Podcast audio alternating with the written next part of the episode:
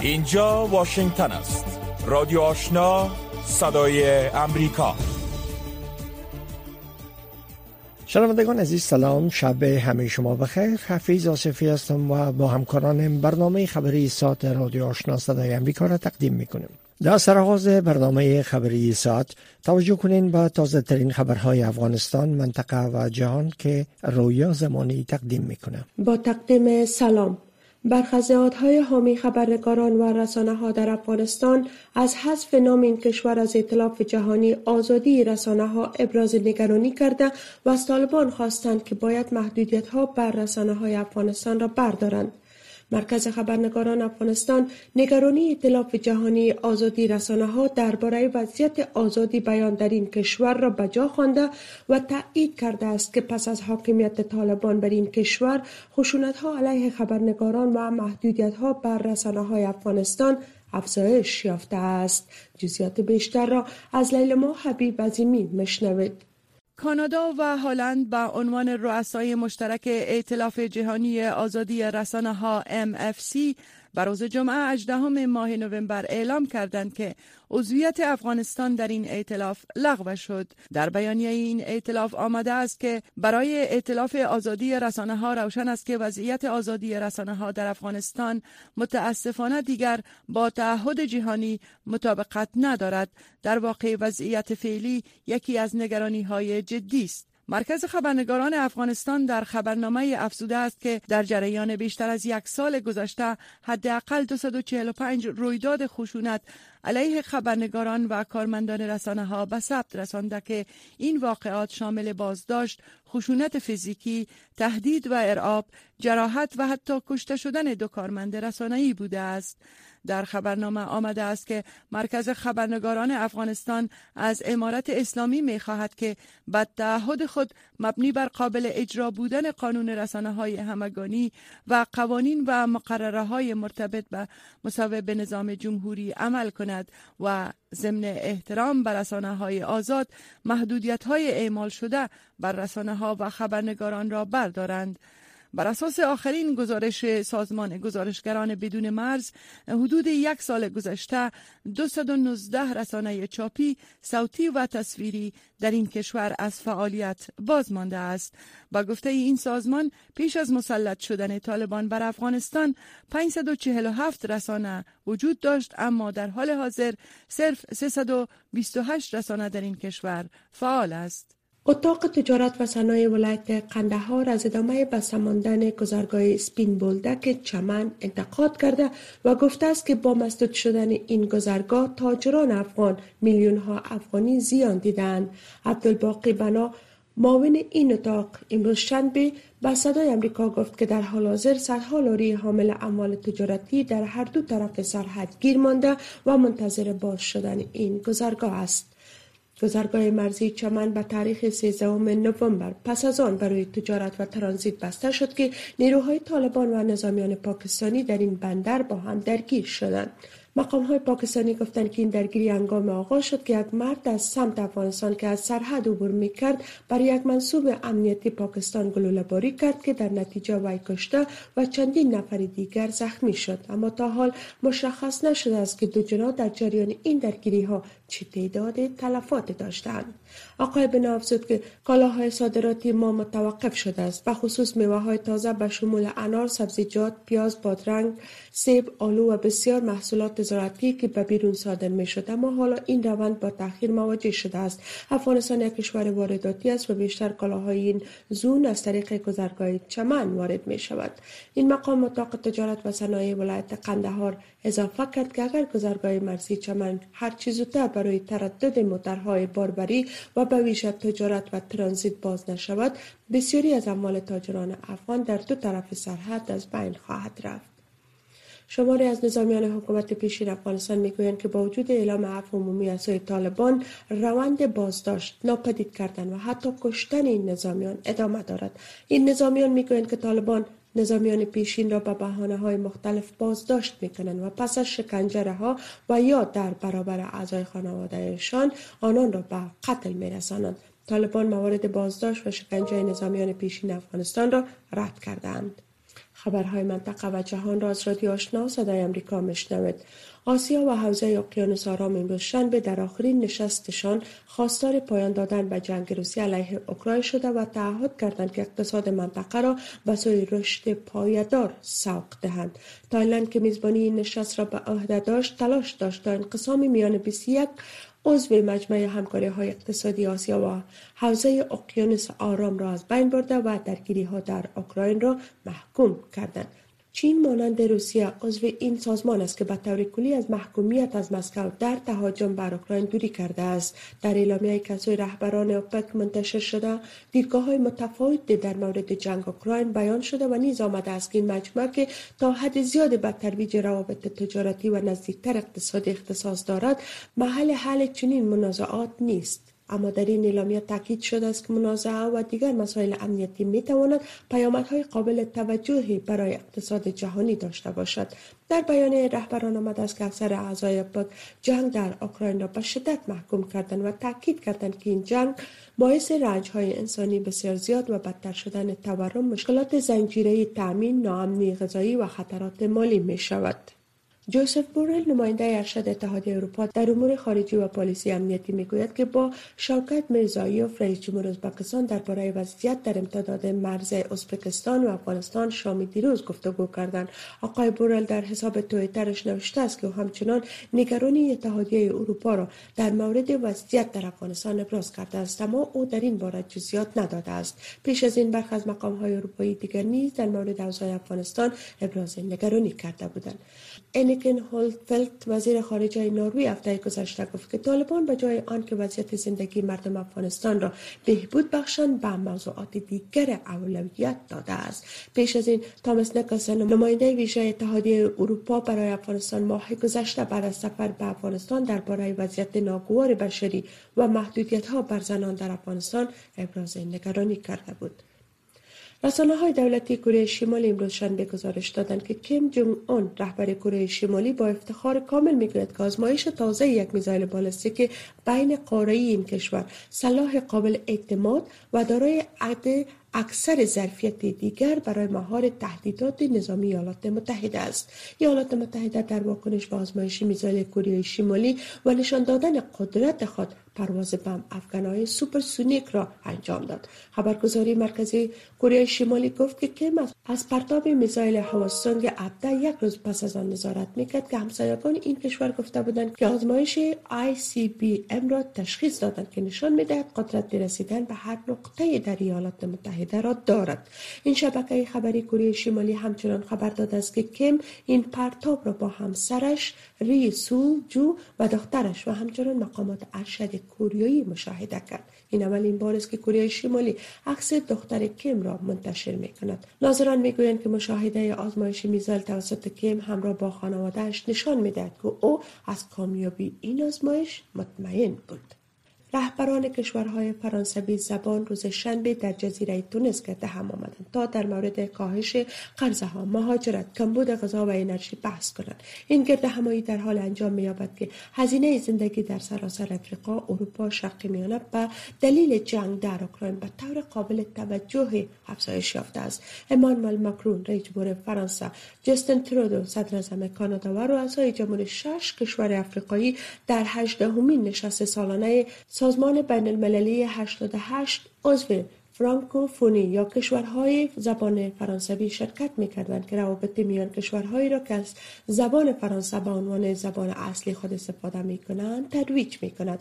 چارلز میشل رئیس شورای اروپا نیز برای این اجلاس دو روزه در تونس بود این اولین گرد همایی این سازمان در سه سال گذشته پس از همهگیری ویروس کرونا و محدودیت های سفر ناشی از این بیماری بود و در خبر اخیر جیمز کرولی وزیر خارجه بریتانیا ایران را به گسترش خونریزی از شرق میانه تا به کیف متهم کرد. و امروز در نشست در منامه پایتخت بحرین گفت که با متحدین مشترکا کار خواهند کرد تا جلوی ایران را بگیرند. اوکراین و متحدین غربیش ایران را به فراهم کردن تیاره های بی پیلوت بر روسیه متهم می‌کنند و می‌گویند که مسکو این تیاره ها را در هفته های اخیر در اجرای حملات در اوکراین استفاده کرده است. ایران برای نخستین بار دو هفته قبل تایید کرد که تیاره های بی پیلوت به روسیه داده اما گفت که این تیاره ها پیش از آغاز تهاجم مسکو بر اوکراین به روسیه فرستاده شده بود. شنونده های محترم این بود مشروع خبرها تا این لحظه. از امواج رادیو آشنا صدای امریکا. شنوندگان گرامی رادیو آشنا صدای امریکا. نشرات رادیو آشنا را در موج متوسط 1296 موج کوتاه 11575 اعشاری صفر و در موج 972 کیلوهرتز شنیده می توانید. خبرهای افغانستان منطقه و جهان از رادیو آشنا صدای امریکا شنیدین. آل هم گزارش های ای برنامه. وزیر خارجه نروژ گفته که طالبان باید تعهدات بین المللی افغانستان رعایت کنند. اظهارات وزیر خارجه نروژ در حال بیان شده که اسلو پایتخت کشور میزبان نشست یک هفته‌ای به خاطر بررسی وضعیت افغانستان بود. ژیلا نوری نشست دنبال کرده و در مورد گزارش داره که با هم میشنویم. نشست هفته افغانستان و میزبانی بنیادهای بشری در شهر اسلو پایتخت نروژ برگزار شد. در نشست شماری از کارشناسان مسائل افغانستان و جامعه مدنی گرد هم آمدند و روی رسیدگی به وضعیت مردم افغان بحث نمودند. حاکمیت قانون در افغانستان پیشرفت اقتصادی حقوق زنان و اقلیت‌ها و مبارزه با دهشت افگنی محور بحث‌های اصلی نشست بود. کریستین برگ هارپویکن عضو انستیتوت صلح اسلو و یکی از اشتراک کنندگان نشست می‌گوید بانک جنگ در افغانستان پایان یافته و امنیت تا حدی برای مردم این کشور تامین شده اما مشکلات زیادی هنوز در افغانستان باقی مانده است. به نظرم در بحث هایی که ما در اینجا داشتیم بیشتر افراد معتقدند که عنصر مهم تغییر در افغانستان زنانند.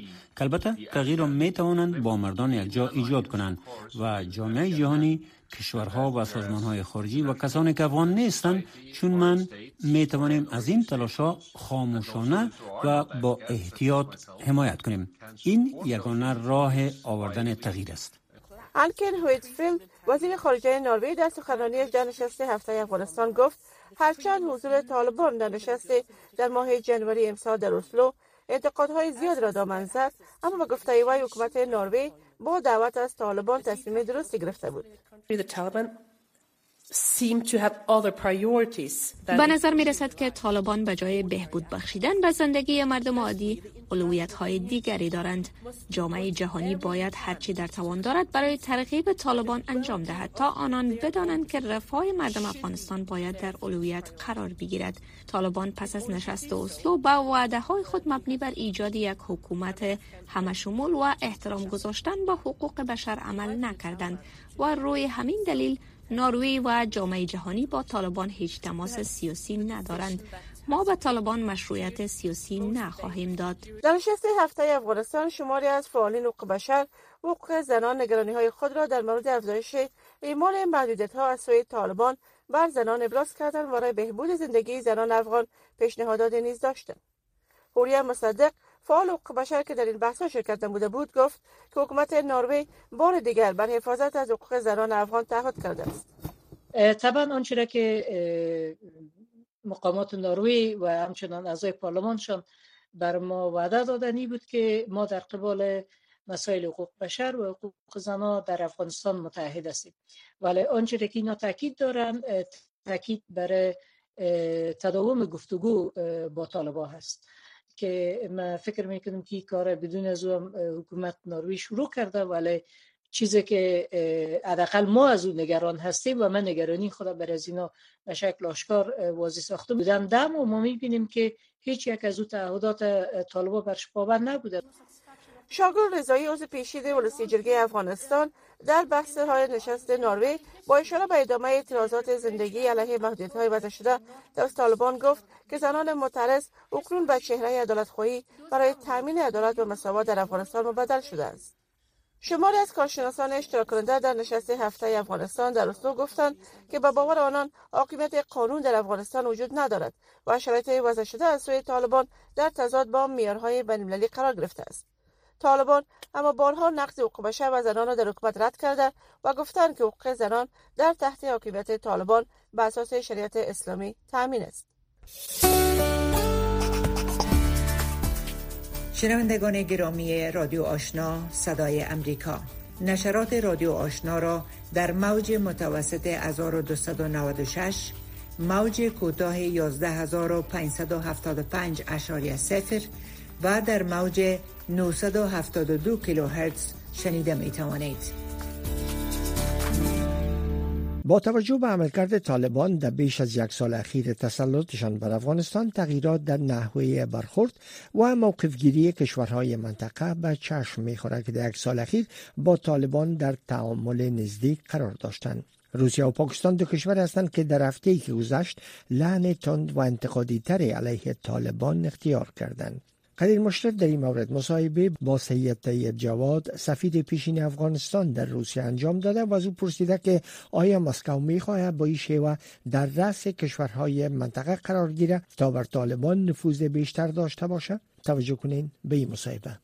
در اواخر انتقادات تندی از جانب مسکو علیه طالبان به گوش می‌رسه. از نگرانی در مورد حضور داعش و نفوذ آن با آسیای میانه گرفته تا انتقادها از ترکیب حکومت طالبان. با باور شما آیا مسکو می‌خواهد با این شیوه در رأس کشورهای منطقه قرار بگیره تا بر طالبان نفوذ بیشتر داشته باشه یا از کارکرد طالبان ناراضی است؟ حرف شما درست است.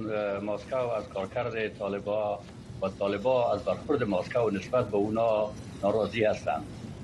پالیسی مسکو در جریان پنج سال گذشته که فرمت مسکو هم ایجاد شد ای بود که با کشورهای آسیای میانه طور توجیه کنه که بنیادگرایی یک خطر جدی برای منطقه است اما طالبا یک وسیله بازدارنده بنیادگرایی و یک دوست ماسکو هستند و به نحوی به اونا القا شود که اگر شما رابطه نزدیکتر با ماسکو داشته باشین به اصلا ما طالبا رو کنترل کردن می‌تونیم. اما حال خطر که مسکو روی زرکت می‌کنه بیشتری است که بنیادگرایی در مجموع با شمول طالبان. یک خطر برای آسیای میانه است و در ایجاب همکاری بیشتر شورای آسیای میانه را با مسکو می‌کنه. آقای جواد فکر می‌کنین این تغییر موقف روسیه با توجه به اینکه شما گفتن که مسکو دوست طالبان گفته میشه طالبان دوست مسکو گفته میشه می‌تونه که در راهکار طالبان تغییر ایجاد بکنن؟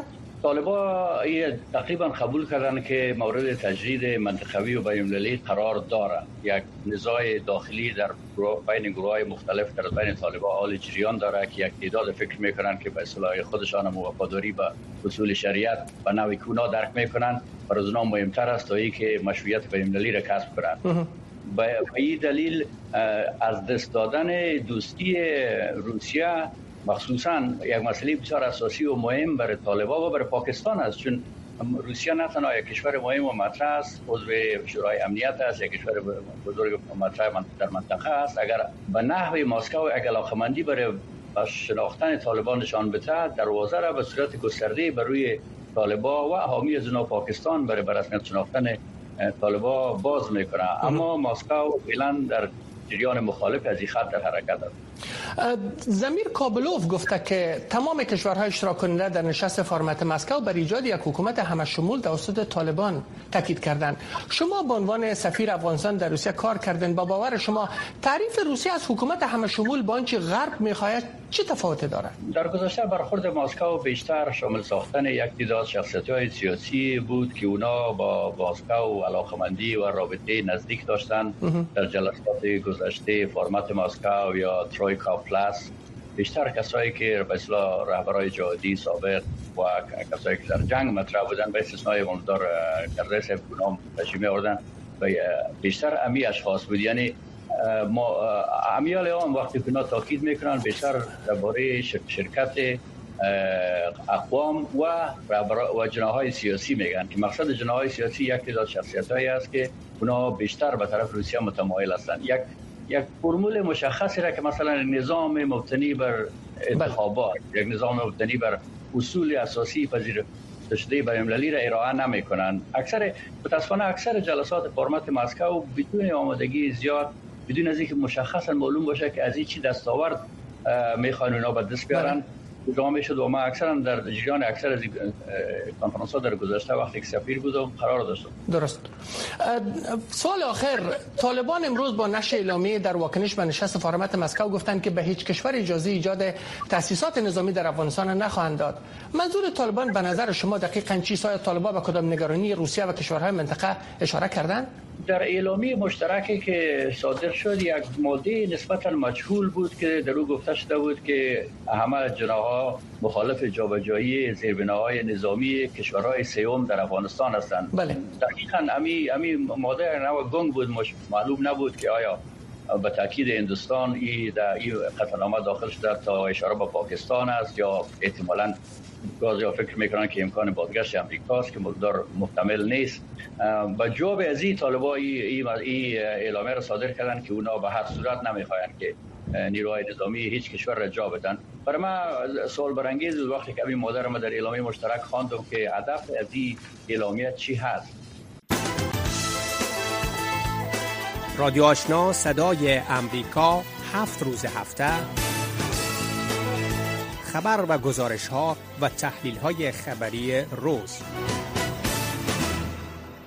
مسابقات قهرمانی فوتبال مردان در جام جهانی از یک شنبه در قطر با هواداران افریقایی آغاز میشه که مشتاق تماشای رقابت پنج تیمی قاره برای کسب عنوان قهرمانی هستند تیم ملی کامرون که به شیرهای رام ناشدنی معروف هستند یکی از معروفترین تیم های افریقاست که یک جا با تیم های از گانا، مراکش، تونس و سنگال در جام جهانی حضور خواهد یافتند. گزارش صدای امریکا را در این مورد از عبدالواجد عادل میشنوین.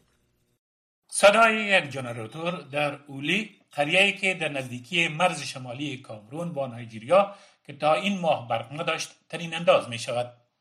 کمیته توسعه دی دمیویا موریس انجینر برق 47 ساله را برای نصب جنراتورها استخدام کرده است. اما او می‌گوید که هدف تأمین برق قریه نبود بلکه تأمین برق برای روشن شدن تلویزیون بود تا ساکنان بتوانند بازی های فوتبال جام جهانی را در قطر تماشا کنند. این جنراتور برق کافی برای چراغ ها، رادیو و تلویزیون تولید می کند. اگر مردم دی جنراتور را در وسایل زیادی به کار گیرند، مصرف سوخت افزایش می یابد. شش جنراتور را در شش قریه برای تماشای مسابقات جام جهانی برای مردم نصب کردم. اوسمیلا توکور مرد دهاتی می‌گوید که آنها این تجهیزات را خریدند زیرا آرزو داشتند تیم ملی کامرون ملقب به شیرهای رام نشدنی را در جام جهانی ببینند توکور می‌گوید که هر یک از مردم از این روستایان حداقل معادل یک دلار امریکایی را برای خرید این تجهیزات کمک کردند که شامل یک تلویزیون 107 سانتی متری می شود.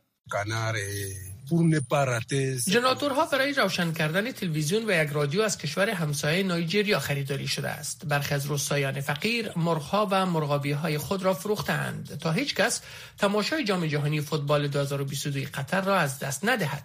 برخی از مردم که می‌خواستند پول بیشتر به آنها کمک کنند حتی بزهای خود را فروختند. اما برخی از مردمان قریه اولی به خبرنگار شکایت کردند که یک تلویزیون برای تماشای یک جمعیت بیش از 300 نفری کافی نیست. آنها همچنین گفتند که نگرانند 20 لیتر پترول که از کشور نایجیریا خریداری شده است. اگر روستایان بخواهند همه مسابقات فوتبال را تماشا کنند. ممکن است جنراتورها در یک ماه برای تمام مسابقات برق را تأمین نکند. با این حال خبرهای خوبی برای این هواداران فوتبال در مناطق دورافتاده کامرون وجود دارد. فلورانس وانجا یک وترنر که 34 سال دارد اخیرا با یک تلویزیون دوم برای مردم به قریه بازگشت او همچنین قول داد که در صورت نیاز برای جنراتور سوخت بیشتری را تأمین کند می خواهم برای تشویق تیم ملی فوتبال کامرون با والدین دوستان سرشناس های روستا و کل جامعه بپیوندم تا لحظه ای که شیرهای رام نشدنی جام جهانی را ببرند. شاد خواهم بود. اگر کامرون برنده نشود یک تیم افریقایی دیگر باید برای اولین بار جام را بلند کند. هیچ تیم فوتبال افریقایی تا به حال به نیمه نهایی جام جهانی نرسیده است. شیرهای رام نشدنی کامرون در سال 1990 اولین تیم افریقایی بود که به مرحله یک بر هشت جام جهانی راه یافت. بیش از یک دهه بعد گانا و سینگال نیز به این موفقیت دست یافتند. اولی یکی از روستاهای دورافتاده کامرون است که برای اولین بار به لطف جام جهانی صاحب برق می شود. چندین شورای محلی می گویند که کیبل های توزیع برق را به دهها قریه توسعه دادند و حکومت کامرون به شرکت برق دولتی انرژی کامرون دستور داده است که از قطع برق در طول مسابقات خودداری کند. پنج تیم افریقایی در جام جهانی قطر حضور دارند. کامرون، گانا، مراکش، سینگال و تونس. کامرون اولین بازی خود را در 24 نوامبر در برابر سوئیس انجام خواهد داد.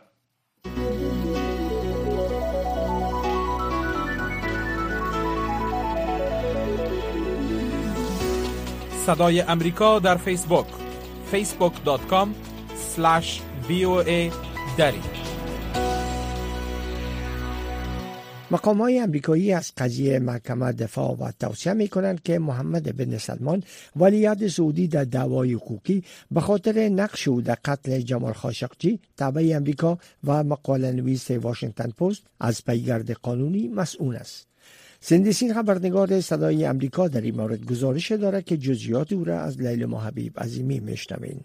رابطه ایالات متحده با محمد بن سلمان ولیعهد عربستان سعودی پس از توصیه دولت بایدن به محکمه واشنگتن مبنی بر مسئول ماندن وی از پیگرد قضایی و قانونی در یک دعوای مدنی توسط خدیجه چنگیز نامزد جمال خاشقجی مقاله نویس مقتول در ایالات متحده و گروه حقوقی وی بار دیگر در محراق و کانون توجه قرار گرفت. قتل خاشقجی در کنسولگری عربستان سعودی در استانبول در سال 2018 انتقادات بر یکی از اعضای خانواده سلطنتی عرب ولیعهد عربستان سعودی معروف به ام بی اس را در غرب منزوی ساخت. اما او اتهام دستور قتل را رد کرده است. چنگیز در آن روز بیرون از کنسولگری منتظر خاشقجی بود اما وی هرگز بیرون نیامد. او برای ابراز ناامیدی از توصیه ایالات متحده در توییتر نوشت وزارت امور خارجه ایالات متحده به ولیعهد سعودی یا MBS مسئولیت اعطا کرده است.